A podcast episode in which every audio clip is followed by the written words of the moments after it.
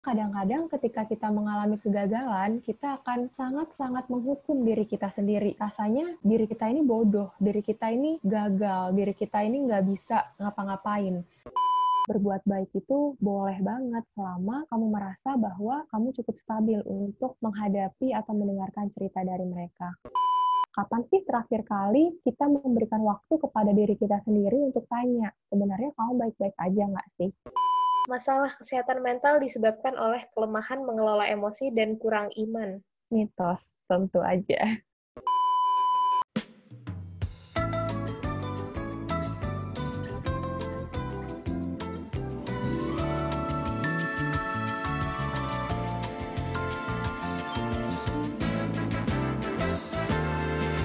Halo Piers, kembali lagi di PR Podcast bersama aku Raisa yang akan memoderatori percakapan kita pada hari ini. Aku pribadi sangat excited dengan narasumber kita pada hari ini karena menurutku ia adalah orang yang tepat dan untuk membahas topik yang sangat penting ini yaitu berkaitan dengan kesehatan mental kita di kala pandemi.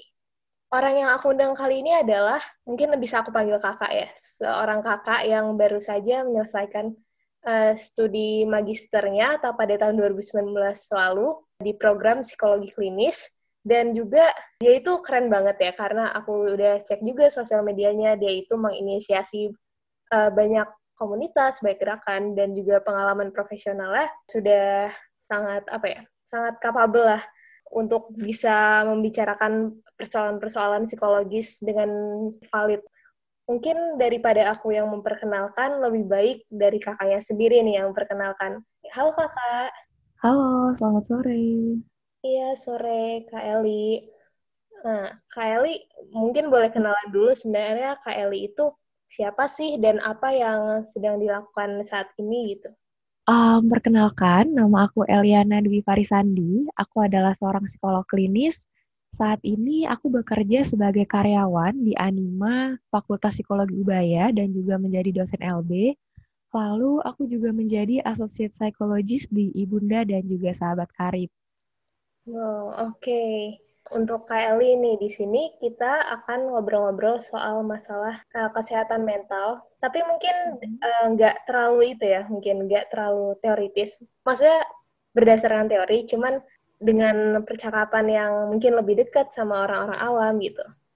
Hmm. Nah, kalau aku sendiri tertarik nih Kak ngomongin kesehatan mental karena menurutku dari yang pengamatan aku sendiri ya, ngeliat di hmm. sekitarku, rasanya tuh orang-orang nggak sebegitu nggak sebegitu menganggap bahwa kesehatan mental ini adalah sesuatu yang urgent dibandingkan masalah-masalah kesehatan lain atau mungkin karena ya mereka masih belum menganggap bahwa kesehatan mental itu sesuatu yang benar-benar ada Nah, kalau dari kakak hmm. sendiri nih, sebenarnya kesehatan mental itu apa sih dan seberapa penting itu? Hmm, oke. Okay. Kalau dari WHO nih, dia beliau mengatakan organisasi ini mengatakan bahwa there is no health without mental health, bahwa nggak ada kesehatan tanpa kesehatan mental. Jadi kesehatan mental ini adalah suatu kesejahteraan ya, di mana individu ini tahu kemampuannya, dia bisa coping terhadap stres atau tekanan yang dialaminya, dan dia bisa bekerja secara produktif di lingkungan. Nah, kenapa sih akhirnya kesehatan mental ini tidak sepenting kesehatan fisik oleh masyarakat-masyarakat di luar sana? Karena sebenarnya kesehatan mental ini sifatnya intangible ya, tidak terlihat. Jadi ketika kita jatuh, kita patah tulang, kita sakit secara fisik, kita bisa melihat luka itu. Tapi ketika kita terluka dalam hati kita, secara psikologis kita, kita nggak bisa melihat itu secara kasat mata. Itu kenapa akhirnya banyak sekali masyarakat yang bahkan mengabaikan kesehatan mentalnya. Kayak gitu. Oke. Wah, itu tadi penjelasannya sudah sangat konkret ya menurutku. Dan itu juga menjawab sebenarnya pertanyaanku. Aku sendiri juga bingung sebenarnya uh, kenapa sih orang-orang tuh pada gak begitu mementingkan kesehatan mental dibandingkan kesehatan fisik? Oke, okay, kalau mementingkan, tapi kenapa kayak jauh banget perbandingannya? Ya mungkin karena itu ya, karena kesehatan mental tuh bukan sesuatu yang bisa dilihat secara konkret, secara real gitu. Kalau begitu nih kak, kan tadi kakak sendiri bilang bahwa kesehatan mental tuh sering kali nggak kita sadari karena nggak kelihatan. Nah kalau gitu apa sih kak kayak tanda-tanda atau gejala mungkin ya yang mengindikasikan kalau misalnya kita atau orang lain itu kesehatan mentalnya terganggu? Biasanya dari psikiatri atau dari psikolog ya menjelaskannya dengan 4D. Nah, 4D ini yang pertama adalah defiance. Defiance ini artinya penyimpangan. Jadi, seseorang yang tidak sehat mental biasanya mengalami penyimpangan baik dari norma sosial maupun dari statistik kayak gitu. Misalnya, um, contoh penyimpangan dari norma sosial adalah ketika um, perilaku mencuri, membunuh dan sebagainya. Kalau penyimpangan dari statistik ini sebenarnya lebih konkret lagi ya, lebih spesifik lagi karena biasanya orang-orang yang menyimpang secara statistik itu biasanya orang-orang yang sangat beresiko mengalami gangguan kesehatan mental kalau dilihat dari kurva normal, orang-orang yang sangat uh, menjadi minoritas itu seperti gifted atau cerdas berbakat istimewa gitu ya, atau yang orientasi seksualnya homoseksual. Mereka punya banyak sekali tekanan dari masyarakat, punya banyak stres, sehingga itu bisa menjadi resiko mereka mengalami gangguan kesehatan mental. Yang kedua adalah distress. Distress ini artinya mereka mengalami tekanan, baik itu konflik, baik itu frustrasi ataupun hal lain di mana akhirnya mereka um, mengarah kepada nggak produktif lagi di lingkungan atau di masyarakat. Rasanya pengennya tidur aja, rasanya nggak mau produktif dalam bekerja dan sebagainya. Yang ketiga adalah disability. Disability ini artinya uh, ini sebenarnya cukup berkaitan ya dengan distress. Disability ini bisa termasuk dampaknya di mana mereka nggak bisa secara produktif untuk bekerja, untuk bersosialisasi di masyarakat. Dan yang terakhir adalah danger. Danger itu artinya ketika perilaku kita membahayakan baik bagi diri kita maupun baik bagi orang lain, itu juga menjadi seseorang simptom atau gejala seseorang mengalami gangguan kesehatan mental. Ketika kita udah mengalami minimal dua dari empat di atas, defiance, disability, distress, dan danger, sebaiknya kita segera memeriksakan diri kita ke psikolog maupun psikiater. Karena kan sebenarnya kita nggak bisa ya self-diagnose karena banyak sekali bias-bias, banyak sekali kesubjektifan diri kita, sehingga kita membutuhkan bantuan mental health profesional dalam hal ini. Seperti itu. Tadi jawaban kakak menarik sih kak, dan aku nangkepnya begini, Tadi kan kakak juga udah menyebutkan bahwa kayak ada indikator-indikator yang membuat seseorang tuh lebih rentan terkena kesehatan mental. Di antara tadi ada defiance, distress, disability, dan danger. Nah, hmm.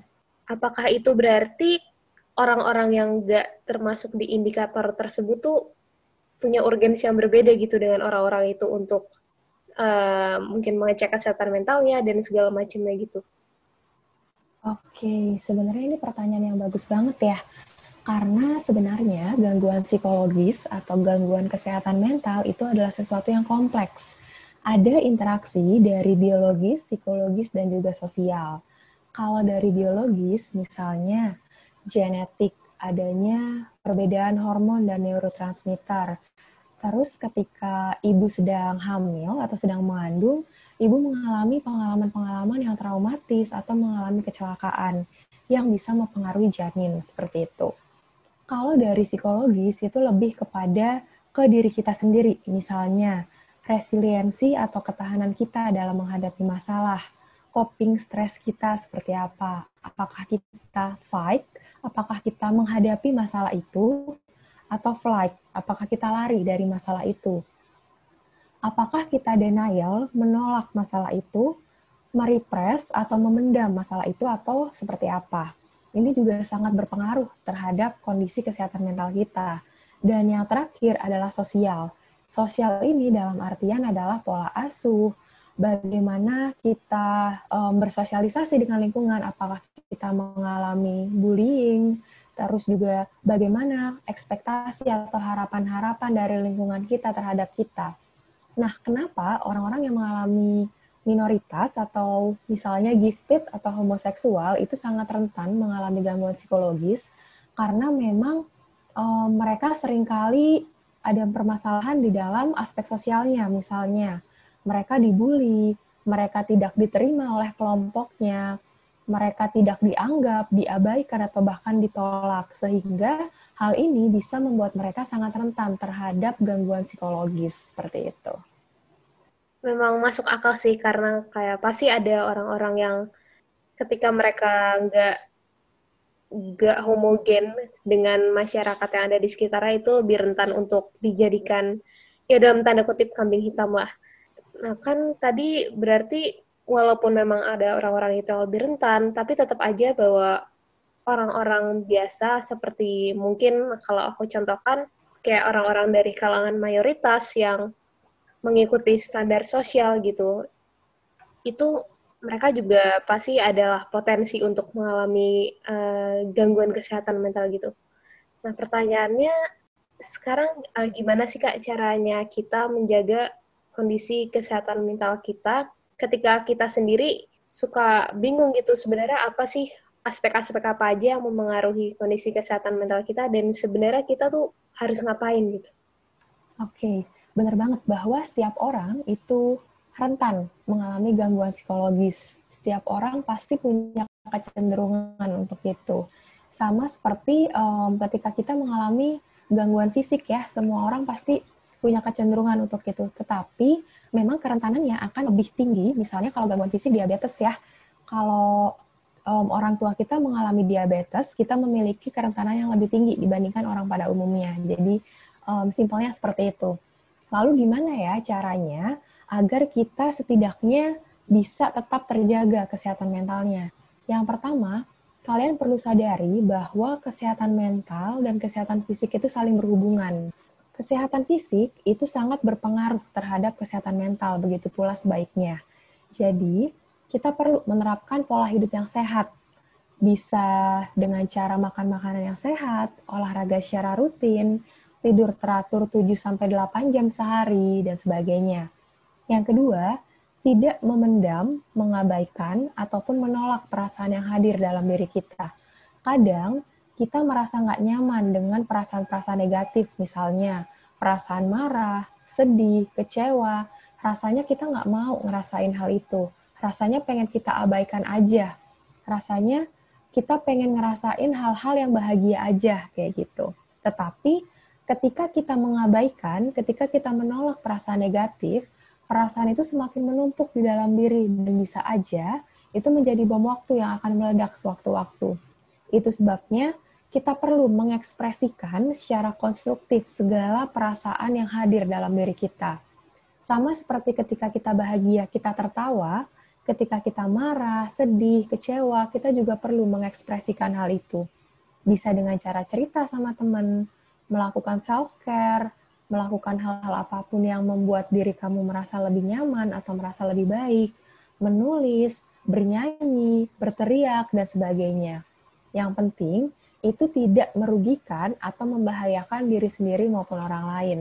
Yang ketiga, memiliki growth mindset. Karena kadang-kadang ketika kita mengalami kegagalan, kita akan sangat-sangat menghukum diri kita sendiri. Rasanya diri kita ini bodoh, diri kita ini gagal, diri kita ini nggak bisa ngapa-ngapain. Padahal ketika kita punya grow mindset, kita bisa sadar, oke, okay, aku memang gagal pada saat ini, tapi ini bisa menjadi pelajaran bagi aku sehingga aku tidak gagal ke depannya.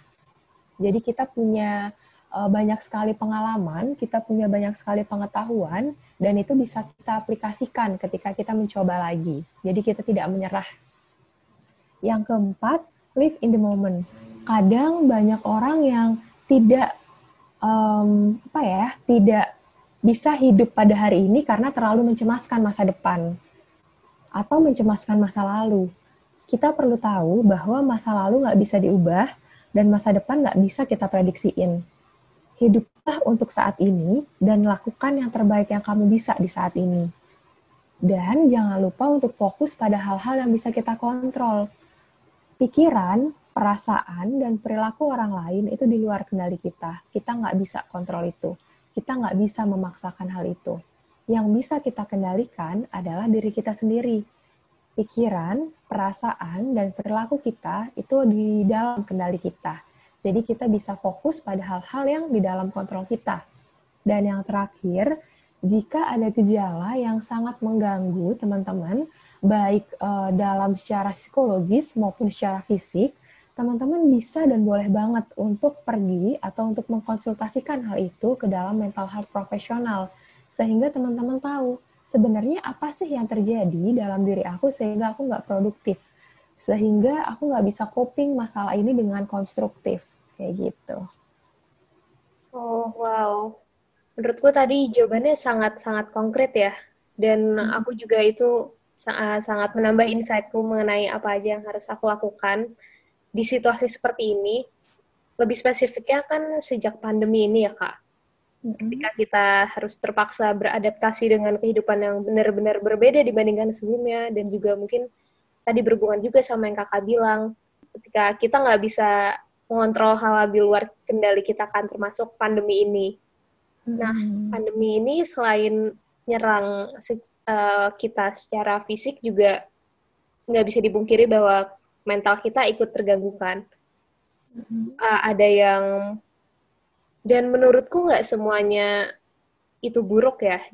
Gimana ya ngomongnya? Mungkin begini, mungkin kita merasa dirugikan karena keadaannya benar-benar berubah sekarang. Mungkin rencana-rencana kita nggak bisa terrealisasikan seperti apa yang kita harapkan. Tapi di sisi lain kayak atau setidaknya di sekitarku banyak yang tiba-tiba menyadari gitu bahwa oh aku punya waktu lebih banyak untuk diriku sendiri yang mana selama ini mungkin eh, nggak uh, ada kesempatan untuk itu gitu. Nah jadi itu kayak dua sisi mata koin gitu. Nah kalau menurut kakak sendiri nih, sebenarnya bagaimana pandemi ini memengaruhi stres kita gitu? Hmm, oke. Sebenarnya banyak sekali ya hal-hal yang bisa membuat kita mengalami stres atau um, mengalami kita mengalami tertekan ya selama pandemi misalnya terkait employment. Employment ini banyak sekali dari masyarakat kita yang kehilangan pekerjaannya, menurunnya income, perubahan kerja dari yang awalnya offline sekarang menjadi online dan kita sangat butuh waktu lagi untuk beradaptasi dengan berbagai perubahan itu. Bahkan banyak sekali untuk fresh graduate ya yang kesulitan untuk mendapatkan pekerjaan. Ini baru terkait employment. Selain itu ada terkait education. Education ini mereka yang awalnya offline dituntut untuk menjadi online. Gak hanya untuk mahasiswa yang sedang berkuliah, tapi bahkan untuk anak-anak SD, untuk anak-anak SMP, dan juga anak-anak SMA sehingga learning from home itu mengakibatkan kita perlu adanya aksesibilitas yang sangat baik, baik dari internet maupun dari gadget. Sedangkan masyarakat Indonesia ini status sosial ekonominya sangat beragam. Ada beberapa masyarakat yang memang status sosial ekonominya menengah ke bawah, yang bahkan kita e, mengkonsumsi makanan setiap hari aja sulit. Bagaimana cara kita bisa mengakses gadget dan kuota internet selama masa pandemi. Terus, beban kerja siswa itu juga sangat tinggi ketika kita learning from home. Banyak banget tugas-tugas yang belum selesai, tiba-tiba ada tugas lainnya. Dan ini membuat kita menjadi sangat rentan terhadap stres. Berkaitan dengan healthcare, sulit sekali untuk mendapatkan tes gratis, tes swab, tes PCR, dan sebagainya, dengan harga yang murah atau um, dengan harga yang bisa terjangkau secara masif kayak gitu ya. Selain itu, fasilitas kesehatan di Indonesia juga kurang memadai. Banyaknya dokter ataupun tra ataupun perawat yang gugur dan beresiko tinggi mengalami COVID karena APD-nya nggak ideal. Kita kekurangan biaya untuk mengakomodasi seluruh dokter dan perawat untuk menggunakan APD yang ideal. Terkait psikologis, banyak dari kita yang merasa kesepian, merasa terjebak, merasa terisolasi, stres, cemas, khawatir, marah dengan keadaan, dan sebagainya. Nah, perasaan-perasaan negatif ini akan membuat kita semakin rentan untuk stres karena kita merasa kita ingin sekali mengendalikan COVID. Padahal kenyataannya kita nggak bisa mengendalikan hal itu. Kapan COVID dimulai, kapan COVID akan berakhir, kita nggak bisa mengendalikan itu. Yang bisa kita lakukan adalah hal-hal yang bisa kita kontrol. Gimana caranya? Yaitu kita bisa social distancing, kita bisa selalu menggunakan masker setiap keluar rumah, kita selalu cuci tangan, bebersih diri ketika kita habis dari luar rumah, dan itu adalah salah satu upaya bagi kita untuk menghentikan uh, melaju COVID yang terus meningkat seperti itu. Ketika kita punya kesadaran diri nih, masing-masing individu punya awareness terhadap pentingnya uh, menjaga jarak, pentingnya memakai masker selama COVID, ini akan sangat membantu untuk menekan tingginya laju COVID seperti itu. Iya, benar banget. Benar-benar, karena COVID nggak hanya memengaruhi di satu bidang aja, bidang kesehatan hmm. kita, tapi sebenarnya itu multisektor ya. Dan yeah. mungkin aku aku menaruh perhatian lebih di itu sebenarnya ya ke tenaga medis karena mm-hmm. pasti di situasi ini ini situasi yang berat untuk semua orang tapi menurutku yang paling merasakan tantangannya di sini adalah para tenaga medis gitu Nah, hmm. kalau menurut kakak sendiri, apa sih yang bisa kita lakukan untuk mereka gitu? Gimana ya? Ya semacam itu sebenarnya. Dari kita yang orang-orang awam yang hanya berdiam diri di rumah, untuk mereka hmm. para tenaga medis yang ada di front line seperti itu. Oke, okay. mungkin aku pribadi nggak bisa menggeneralisasikan atau tahu pasti ya kondisi mental tenaga medis di Indonesia namun, aku bisa berasumsi bahwa saat ini mereka sedang physically and mentally exhausted banget karena banyaknya pasien-pasien um, yang terus-menerus bertambah ya selama ini kayak gitu. Terus yang bisa kita lakukan apa? Yang pertama, ketika kita punya uang atau material secara lebih, kita bisa mendonasikan sedikit um, apa yang kita miliki untuk perlengkapan APD ataupun apa pun yang dibutuhkan oleh tenaga medis di Indonesia. Yang kedua, kita perlu untuk melakukan social distancing dengan disiplin, menggunakan masker, menggunakan hand sanitizer atau setidaknya cuci tangan setelah kita dari luar rumah sehingga itu tidak meningkatkan laju penyebaran COVID. Yang ketiga, kita bisa mengkomunikasikan secara jujur mengenai kondisi kita, entah gejala maupun apakah kalian pernah pergi keluar kota selama beberapa minggu terakhir, sehingga tenaga medis bisa prepare terhadap hal itu. Aku inget banget ketika awal-awal COVID, banyak banget orang-orang yang berbohong dengan mengatakan, enggak kok aku nggak pergi keluar kota seminggu terakhir, tapi um, itu membuat perawat ataupun dokter, oke, okay, jadi aku, jadi kita nggak perlu merasa um, perlu pakai APD dan sebagainya. Namun karena kebohongan mereka itu menjadi sangat-sangat merugikan baik bagi dokter maupun perawat akhirnya terkena COVID juga karena ulah dari orang-orang yang tidak bertanggung jawab. Dan yang terakhir adalah ketika kalian punya knowledge atau skill yang lebih tentang COVID-19, kalian bisa melakukan edukasi, baik di sosial media ataupun dengan cara mouth to mouth, misalnya ke keluarga, ke teman, untuk meningkatkan awareness kita kepada masyarakat karena sos, uh, sosial media itu sangat powerful ya. Jadi ketika kita bisa membuat sosial media itu sesuatu yang bermanfaat, sesuatu yang mengedukasi, itu sangat-sangat membantu baik bagi tenaga medis maupun masyarakat secara keseluruhan. Oke, sebenarnya uh, hal-hal yang bisa kita lakukan untuk mereka itu cukup simple ya. Tapi kalau menurutku, menurutku kalau misalnya itu dilakukan secara kolektif, itu akan sangat membantu mereka. Ya, hmm. karena uh, menurutku selain dari aspek uh, masyarakat, sebenarnya aspek pemerintah tuh bermain peran yang sangat penting banget. Tapi mungkin aku nggak akan bahas ke situ karena seperti yang kakak bilang tadi, itu bukan sesuatu yang bisa kita kontrol ya. Nah, selain tenaga medis yang menjadi perhatianku itu juga hal yang sangat dekat uh, dengan aku karena aku sekarang masih menjadi pelajar, lebih tepatnya mahasiswa tingkat satu ya. Dan seperti yang kakak bilang tadi, uh, sektor pendidikan itu turut terdampak ya dan cukup sulit juga, apalagi kuliahku itu membutuhkan interaksi langsung, sedangkan itu nggak bisa dilakukan kan sekarang. Hmm. Nah, selain itu juga aku lihat di sekitarku, terutama waktu liburan kemarin, banyak sekali ya teman-temanku yang berusaha untuk mm, melakukan suatu hal yang produktif dan berkarya dan segala macam ya.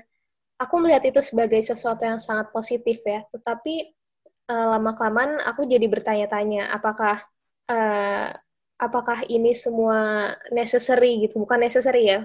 Apakah ini semua perlu untuk dilakukan? Apakah ketika aku tidak ikutan melakukan hal tersebut, yaitu manfaatkan waktu luang untuk hal-hal yang produktif, hal-hal berkarya, apakah itu artinya aku menyanyikan kesempatan yang aku punya? Sedangkan aku sendiri merasa, dan mungkin teman beberapa temanku juga merasa bahwa kami aja udah kesulitan gitu untuk bisa tetap stabil, tetap bertahan, tetap bahagia. Apakah hmm. itu semua tuh perlu gitu untuk dilakukan sekarang. Nah, menurut kakak sendiri terhadap fenomena ini seperti apa, kak? Hmm, Oke. Okay. Um, kalian perlu sadari bahwa kita nggak harus produktif setiap waktu. Kita boleh aja self-care, kita boleh aja memberikan waktu kita untuk menyenangkan diri sendiri. Entah itu hanya beguleran, tidur-tiduran, baca buku, nonton drama Korea, itu juga boleh banget. Karena dengan cara self care kita bisa um, apa ya memprioritaskan mental health kita kayak gitu. Dan kalau kita flashback nih ketika dulu um, masalah kita ini hanya berkaitan dengan binatang buas aja. Kita bisa memilih antara fight atau flight. Ketika kita merasa kita akan menang kita bakal fight nih kita bakal berantem sama singanya kayak gitu. Tapi ketika kita tahu kita bakal kalah ya kita akan pergi, kita akan kabur kayak gitu. Nah, dulu di saat-saat primitif, masalah kita hanya sebatas survive um, berkaitan dengan binatang buas. Tapi ketika kita ada di tahun 2020, masalah-masalah kita itu sangat kompleks dengan adanya globalisasi, dengan adanya sosial media, dengan adanya pandemi ini membuat kita nggak bisa langsung berpikir, oke, okay, aku harus fight atau flight seperti itu. Karena masalah-masalahnya sangat kompleks. Misalnya yang paling simple aja adanya traffic light macet. Kita bisa fight nggak sih? Ya nggak bisa. Masa kita mau membunuh traffic light? Kan nggak mungkin ya. Tapi kita bisa flight nggak? Ya nggak juga. Yang bisa kita lakukan adalah ya kita menerima itu sebagai oke okay, um, sekarang lagi macet lalu aku apa yang bisa aku lakukan untuk tetap ngerasa tenang, tetap ngerasa nyaman sama diri aku sendiri selagi aku menunggu kemacetan kayak gitu. Nah, pandemi ini juga seperti itu. Kita nggak harus selalu fight atau flight. Entah itu kita memaksakan diri untuk selalu produktif setiap waktu, ataupun kita selalu menolak atau mengabaikan kenyataan yang ada. Enggak kok, COVID itu nggak ada. Aku boleh aja ke mall, keluar, dan segala macamnya nggak pakai masker dan sebagainya. Kita nggak bisa seperti itu. Tetapi kita bisa untuk tetap menjaga kesehatan mental kita, tetap stay sane, tetap waras dalam um, pandemi ini yang sangat-sangat membuat kita rentan terhadap stres. Jadi teman-teman tidak perlu merasa bersalah ketika apa yang teman-teman lakukan adalah memprioritaskan mental health kalian. Entah itu untuk menyenangkan diri kalian sendiri, atau membuat diri kalian ngerasa nyaman kayak gitu. Hmm, benar-benar ya. Makasih banyak kak atas uh, insight-nya. Tapi kalau menurutku pribadi juga itu bukan berarti apa ya? Bukan berarti itu adalah sebuah justifikasi untuk kita akhirnya pure nggak ngapa-ngapain. Padahal sebenarnya kita tuh ya baik-baik aja hanya mungkin hanya merasa males gitu ya. Tapi ya balik hmm. lagi kita juga nggak perlu terlalu memaksakan diri untuk menjadi produktif atau bahkan sekadar ikut-ikutan karena semua orang melakukan jadi bandwagon. Karena yang penting sekarang adalah ya jalani hidup sesuai dengan hidup yang kamu mau bukan dari bukan karena kita terpengaruhi orang lain kita mengikuti standar orang lain dan itu juga masih menjadi PR untuk aku juga sebenarnya. Nah uh, masih berhubungan sama teman sih kak sama teman sekolahku sebenarnya. Aku sendiri concernnya adalah terkadang aku merasa bahwa aku merasa kesulitan untuk mengikuti pembelajaran dan aku yakin bahwa aku bukan aku sendiri yang merasa seperti ini. Kayak mungkin teman-temanku juga merasakan hal yang seperti ini dan aku sebenarnya merasa aku cukup bisa untuk mengontrol emosiku ya. Tapi aku takut kalau misalnya teman-temanku ya merasa terlalu kesulitan dan merasa mereka tidak bisa reach out ke siapa-siapa karena mungkin segan untuk uh, berbicara kepada keluarganya atau mungkin mereka juga tidak bisa bertemu teman-temannya. Nah, kalau dari kakak sendiri, apakah ada tips untuk kami para pelajar untuk tetap uh, memastikan bahwa teman-teman kami itu they are doing well seperti itu. Hmm, oke. Okay. Kita memang perlu sadari bahwa everyone is struggling right now. Setiap orang pasti merasa kesulitan saat ini. Walaupun tingkat kesulitannya berbeda, walaupun apa yang disulitkannya berbeda. Nah, gimana caranya kita bisa memastikan bahwa orang-orang terdekat kita itu baik-baik aja? Faktanya, kita nggak bisa membaca pikiran orang lain. Kita bukan mind reader. Jadi cara satu-satunya adalah dengan menanyakan kondisi mereka. Sekadar kita mengatakan atau menanyakan, oh, gimana harimu saat ini? Ada nggak hal-hal yang bisa aku bantu untuk membuat kamu merasa lebih baik? Ada nggak hal-hal yang mau kamu ceritain ke aku? A little help wouldn't hurt anyone. Kayak gitu. Jadi, berbuat baik itu boleh banget selama kamu merasa bahwa kamu cukup stabil untuk menghadapi atau mendengarkan cerita dari mereka karena um, kita nggak bisa menyelamatkan menyelamatkan seseorang ketika diri kita terluka. Jadi kita harus prioritaskan kesehatan mental kita dulu. Kita perlu untuk menyelamatkan diri kita sendiri dulu, barulah kita bisa menyelamatkan orang lain sebanyak apa pun yang kita mampu untuk berikan. Oke, ya berarti emang pada awalnya kita harus menyelamatkan diri sendiri dulu dan juga jangan lupa untuk memperhatikan teman-teman kita dengan mungkin kayak tadi cara kakak sekadar menanyakan bagaimana kabarnya dan segala macamnya hmm. dan ya hal-hal semacam itu ya. Nah selain itu juga kan kita harus baik itu pekerja atau pelajar dan maupun hanya mungkin unemployed juga itu kan kita harus sekarang ya, kondisi sekarang itu membuat kita tidak bisa sering keluar rumah. Kita harus berada di rumah sesering mungkin dan sebisa mungkin minimalisir kegiatan di luar rumah. Nah, kalau dari kakak sendiri, bagaimana caranya membuat rumah itu tuh sebagai tempat yang nyaman untuk kita karena kita akan berada di sini terus selama mungkin gitu. Hmm, Oke, okay. yang pertama yang mungkin bisa dilakukan adalah untuk komunikasi sama anggota keluarga. Bisa juga dengan cara melakukan aktivitas bareng keluarga, misalnya nonton maraton bareng, sarapan dan makan malam bareng, dan sebagainya. Tapi memang ada beberapa keluarga yang um, kurang sehat ya, dalam artian agak sedikit awkward misalnya. Mungkin ini adalah salah satu cara yang bisa dilakukan untuk menghangatkan kembali komunikasi yang sebelumnya memang jarang untuk dilakukan kalau misalnya kalian butuh untuk me time, kalian butuh untuk menjaga jarak dulu dengan keluarga, itu juga boleh banget. Kalian bisa melakukan hal-hal yang kalian sukai dan hal-hal yang membuat diri kalian ngerasa nyaman. Kalau kalian suka menulis, kalian bisa tuliskan hal-hal apa yang membuat kalian bersyukur pada hari itu.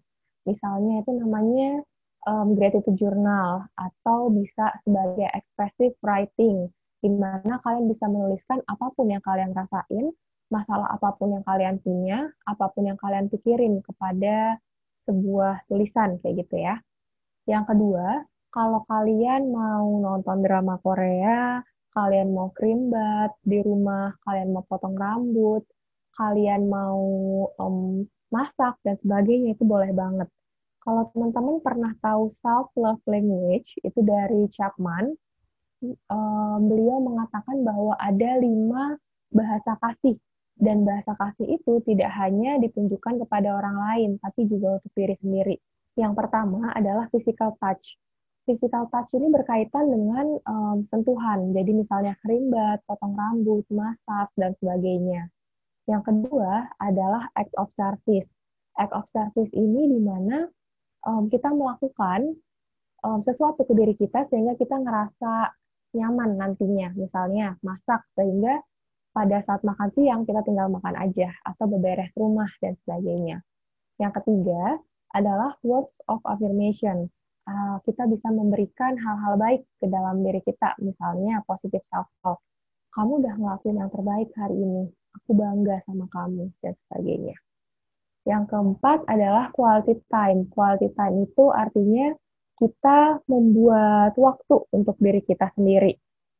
Misalnya, mau nonton drama Korea maraton 3 jam, atau mau main Among Us, atau mau main Hago, dan sebagainya. Terus juga ada satu lagi yang um, aku lupa, tunggu sebentar. Um, quality time, lalu act of service, words of affirmation, yang satunya adalah receiving gift. Receiving gift ini adalah kita memberikan hadiah kecil bagi diri kita ketika kita melakukan sesuatu yang produktif. Misalnya, oke, okay, aku udah ngelakuin tugas kuliah aku nih hari ini, kayaknya aku bakal beliin diri aku coklat deh atau aku bakal beliin diri aku jajan kesukaan aku kayak gitu. Jadi um, untuk stay sane, untuk tetap merasa waras di dalam rumah, kita memang perlu adaptasi juga dan itu memang nggak mudah dan itu memang sangat sulit sekali, terutama ketika kita nggak mengenal diri kita sendiri. Kita bisa um, anggap ini sebagai cara untuk kita bisa mengenali diri kita sendiri, mengenali apa yang kita inginkan dan mengenali apa yang kita butuhkan. Karena ketika kita sayang sama orang lain, kita akan kasih waktu sebanyak apa pun kepada mereka. Tapi sudahkah kita melakukan itu pada diri kita sendiri? Kapan sih terakhir kali kita memberikan waktu kepada diri kita sendiri untuk tanya, sebenarnya kamu baik-baik aja nggak sih? Sebenarnya kamu butuhin itu apa? Pasti jarang banget. Jadi gunakan waktu ini untuk lebih mengenali diri kalian sendiri. Oke, okay, wow. Aku baru itu sih sebenarnya. Aku sama ini cuma tahu bahwa hal-hal kayak self-care itu identik dengan melakukan hal-hal yang menyenangkan untuk diri kita sendiri, tapi aku baru tahu kalau misalnya mereka tuh punya apa ya? Emang ada teorinya gitu kenapa hmm. apa kenapa hal-hal itu dianggap sebagai sesuatu yang bisa bermanfaat untuk kesehatan mental kita, bukan hanya sekadar self care dengan melis uh, hal-hal menyenangkan untuk dilakukan gitu. Wah, oke, okay. aku baru tahu itu. Nah, sebenarnya ini udah uh, masuk ke penghujung acara nih Kak. Mungkin dari tadi kita bahas tentang sesuatu yang cukup serius gitu. Mungkin aku sekarang pengen sedikit game singkat, mitos atau fakta gitu. Jadi aku setelah ini akan ngomongin satu set, satu statement terus kakak jawab cepat apakah itu mitos atau fakta ya. Oke. Okay. Oke. Okay. Uh, eh, pertama, depresi hanya dialami oleh orang dewasa. Mitos.